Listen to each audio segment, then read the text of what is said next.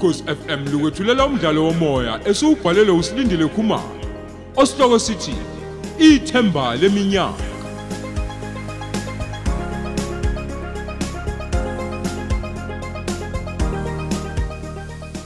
Yamukela isiqebu sesithathu.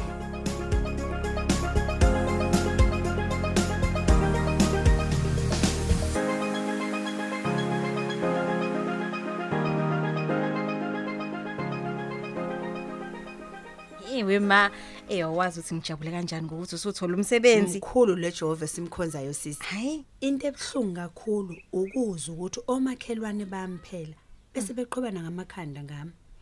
Kodwa ke singakunaki lokho mntanami ngoba sidalwanga ngokufanayo. hayibo wema kwanuka kamnandi kanje. Yini lo iphekile? Ngathi upheka into emnandi nje. Hayi usho ukudlala wena sesa. Umlungu uvele wangipha isishebo kwaguga ifridge Hayibo. ngiyatshela wena. Ngempela. Ngiyakuchazela. Kodwa wemali baswakho besebone ngani nje kodwa ngempela ukuthi kwembula kwembeswa la ekhaya. Hey wesesa. Basibhekile nathi abe- abakithi asebalala. Wena ungabona kuthulekile nje kanti basazokhuluma ngezenzo. Yazi mina nje wema ngixoxela. Bese ngiplana nokuyeka isikole ukuze ngizokulekelela nje sifuna umsebenzi.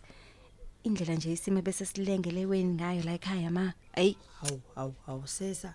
Ubungakwenza kanjani lokho? Uyazi ngizwisa ubhlungu ke mntanami ukuthi ukucabanga ujule kanjena. Mina nje ngihlezi ngizibonela ingane yami nje sencane kakhulu. Kanti hayi usukhulile ntombazana. wema uzwa ngabantu laba abazibulalayo. Awunanzo ke lengane nkosana. Laba bantu ngiyakutshena ma, laba bantu abasibo abasiwona amagwala. Kodwa umuntu kusuke kungesiyo inhloso ukukhipha umphefumulo. Kahle kahle yena usuke efuna ukuqeda lobhlungu abuzwayo. Awu kodwa sesa. Ngempela ma, yabona nje isimo esibhekene naso. Eh, singenza ngiyibone ngelinyiso indaba yokuthatha umphefumulo. Ukukhula enkosini sisi kuzokwenza ukuthi ukhule nawe. Alikho nelilodwa ilanga okufanele uliphile ngaphandle kokuthemba ukuthi uJehova usibhekile. Uzwa ubhlungu, ujabulile ngaso sonke isikhathi uhleze khona sisi. Wayibeka ma, wayibeka yezwakala. Kusho ukuthi ke umuntu usuke nje ephelelwe ithemba noma engenaso isibindi. Mhlawumbe singathi nje ephethe ubugwala kanje. Awuzwa ke injalo nje sesa. Sona isimo besinzima kangangoba omunye umuntu ongenathemba ube ngawuthatha umphefumulo. Yebo qinisile kungesiyinhloso. Lokho kodwa kuqeda ubhlungu. Hey ma, angishesheke yazi ngoba phela ngempela ngizoze ngibe late estadini. Ngolesihlanu phela siyaqala ukubhala. Sheshisa impela nje mntanami ukudla kwakho kulapha ku microwave.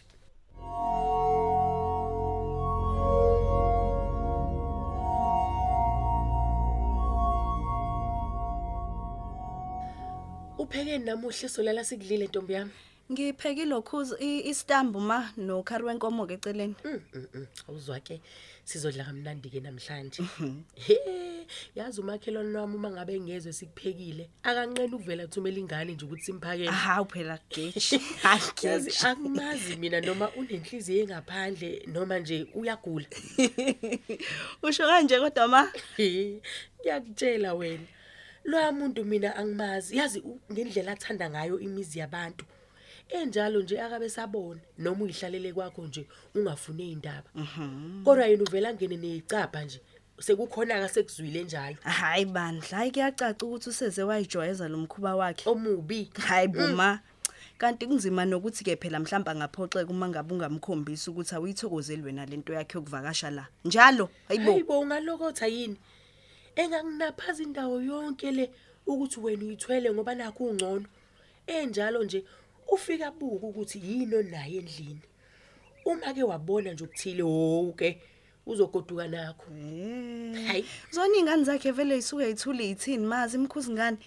Noma mhlawumbe ukwenza yonke lemkhuba yakhe mangabe zingekho zona. Lutho ziyamazi sezakhathala nazo kumkhuza bakithi. Hayi shame. Okungixaka kakhulu yazi ukuthi uyasizakala uma ngabe bona omunye umuntu ehluphekile. Ungene ephuma yonke lemizi le ihamba ememezela. Hey, wazi wadalwa kambe umama. Hayi hayi hayi hayi. Futhi unenkinga lo muntu. Kulezi insuku kubhizi kungibelesela ngomakhelwane wethu lo ophelele umsebenzi. Usho khona ukuthi eh uyazaca, uyalunga ngoba nakho ubeyithwele esebenza. Ehe, usizakele. Ekubeni yazi umagama Nkosi yami. Uyayiqhwandela bakithi lwamfazi. akafani nje nathi ngoba phela sina sinazo nezingane ezisondlayo hayi. Mhlawumbe kodwa mabe kufanele ummeme inkonzweni yangolwesini ukuze azuke nje afika lalela inkonzo yomama athole neziyalo nangendlela nje umama kufanele ayiphathe ngayo. Hayibo hayi. Uyadlala wena thoko. Awumazi lwamuntu uyakhonza uMandaba. Kodwa nje uphika ngokuthi uma ngabe engabizwanga ngegama lakhe akushiwo kuye lokho.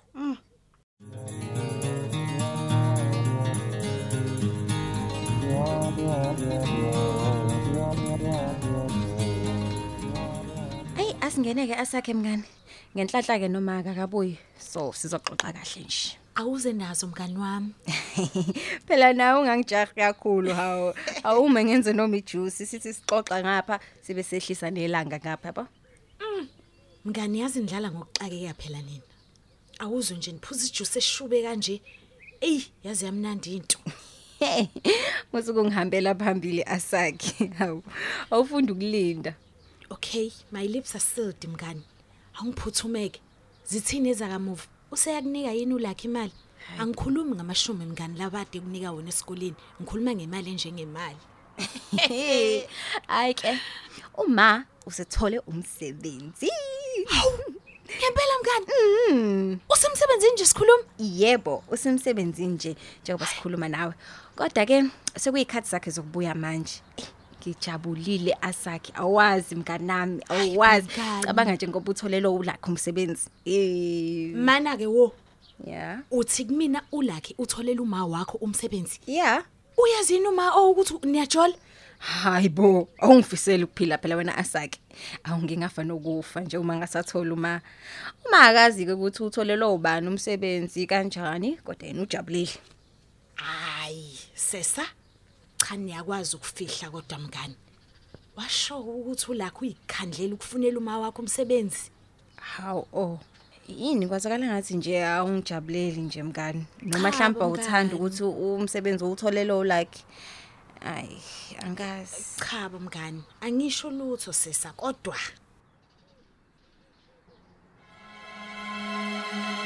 Hawuma wabuya. Kunjani asakhe sisi? ngiyaphila ma.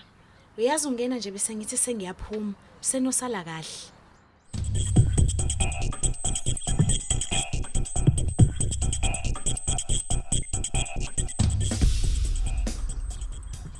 Sesa ngani yami? Yebo ma. Yazi ngithule ngamabomu ngesikhathi kusekhona leyangane ukuthi ngikhulume nawe. Empeleni angithandi ube mngani naleyangane. Hawu kodwa ma. Uyaphila nje asakhe. Wesesa, ngimdala manje.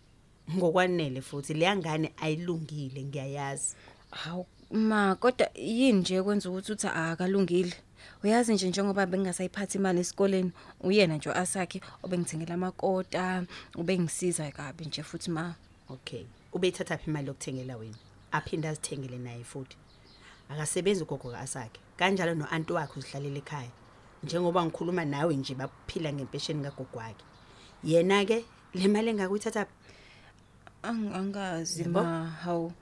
Kodwa nami ngike ngambuza asakhe ukuthi ena uyithathaphi wathi yena uyayizamela. Yini ke embi umuntu mangabe izamela kodwa engasikhohliwe isikole ma. Hayi. Manje sefuna mina ngihlale nje ezinye ingane zibe izama. Hawu. Ngikhuluma nje sicishe sabulawa indlala ngenxa yakho u- ukubheka wedwa ma. Kanti kube nje nami kukhona engikuhlanganisayo bese ngeke nje sithole silesimo. Wesesa, Ma. sesa. Ma. Ngikhuluma nawe nje kukhona yini okwaziyo ngale ngane? Ah yebo ma ngiyakuzwa cha ma a- a- akukho futhi engikwaziyo nami nje ngiyabuza ukuthi ena ngabe uyithatha phi imali pho Ungafisi ngisho nokufisa ukwazi uyangithi ngithini? Yeah. Ayilungile leyangane. Ngiyayazi mina. Lokhu kade kwenzela khona ubezama ukukusondeza kuwe ukuze nizokwenza lemkhuba yokungcola ndawonye. Sesa mina angifuni ngoba naku sengizihluphekela la ekhaya. Bese wena uhlekisa ngami endaweni. Wenza izinto ezingalungile. Futhi leyangane yenza ibanga leshumi. Angazi ke nijwayelana nganhlosoni. Angisizeke nje uhlukana noasakhe. yebo ma ngiyezwa Qhubeka nemsebenzi yakho ungakubambezeli. ngiyabonga ma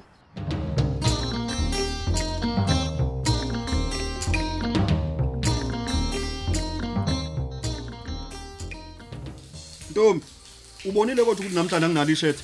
Ey Angizwa zamani ngivinjwa amanzi Nkosi yami. Yehlisa umsindo weredio nawe akuzwakali.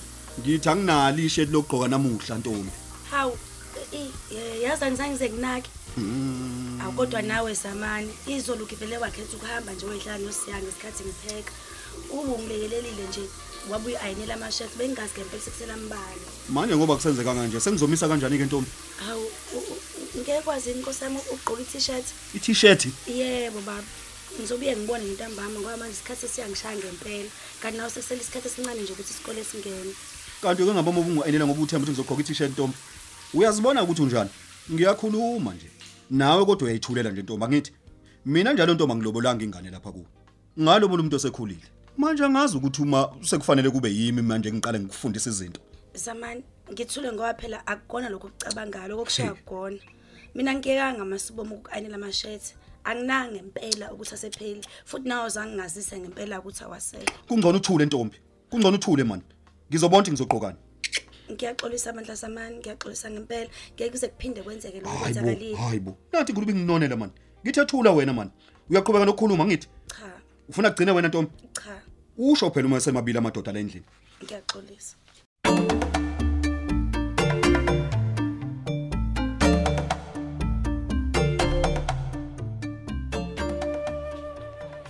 Engabo asakhuyile yini estadini? Inhloso yami phela ukuthi nje uma sengibuya ngihambisane naye. Hayi ngiyafisa ukuza ukuthi ena kanti le mali uyizama kanjani? Hey mina nje mengangisiza ngendlela yokwenza imali awuyobuqedile angifundi okuningi. Phela asakuqoka kahle unuka kamnandi enjalo nje esikoleni akahluphi umuntu akanamona namuntu. Hayi mina lento kaAsakhe nje ngiyibona iwukuzimela. Hayi ngalendlela uma ayibona ngayo. Yena uma usuke nje embona kuphi asakho ukuthi yena unendlela ezimbi ngoba phela uAsakhe uhlala esikoleni kanti uma uhlezi semsebenzini.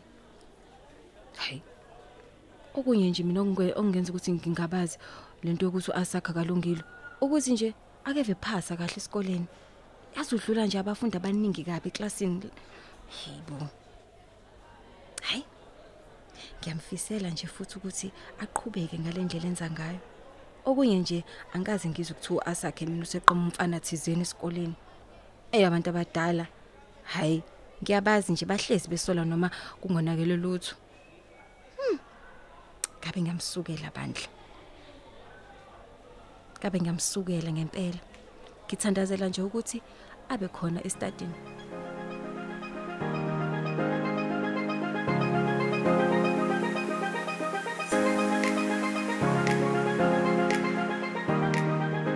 Siubeka lapho umdlalo wethu osihloko sithi ithemba leminyaka eswetshulelwa ukhozi FM